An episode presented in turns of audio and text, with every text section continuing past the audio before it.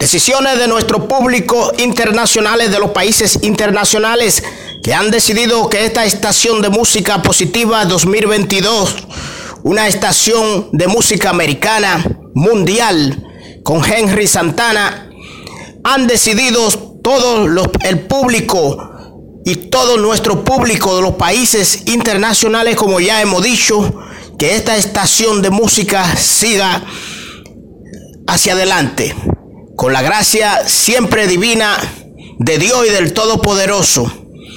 Por eso nosotros somos y vamos a seguir siendo Positiva 2022, una estación de música americana aquí. Y recuérdense que tenemos nuestro concurso con los 3 mil dólares.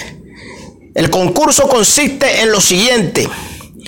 Nuestra música americana cuando esté sonando Usted va a adivinar el artista y lo que el artista está cantando y lo manda a nuestro correo electrónico o a nuestro WhatsApp por el 1-829-757-8357, donde ya tenemos cientos y cientos de participantes dentro de la tómbola, para en este año 2022 entrar en el concurso y sacar de la tómbola a los ganadores de los 3 mil dólares.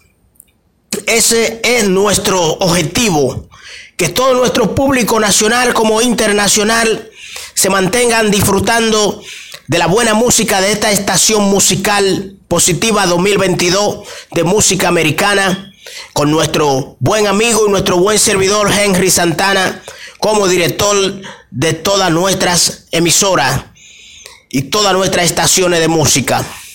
Por lo tanto, hacemos este llamado a todo nuestro público nacional e internacional a que se unan con nosotros, que siempre estén en contacto con nosotros y con los mensajes que estamos dando, con lo visado, eh, con nuestros eh, sobre, sobre el cónsul, cómo usted tiene que comportarse a la hora de usted ir a, solicitar visa, eh, cualquier problema migratorio, usted también lo puede eh, nos lo puede archivar a nuestro WhatsApp 1-829-757-8357 o a nuestro correo electrónico. Cualquier problema de migración que, usted, que ustedes tengan, cualquier inconformidad que ustedes se sientan con los Estados americanos o los Estados Unidos, pueden informarlo por esta vía del 1-829-757-8357 aquí a la emisora. ¿Eh? La positiva, positiva 2022, una emisora de música americana musical mundial con nuestro buen amigo Henry Santana. Eso es todo.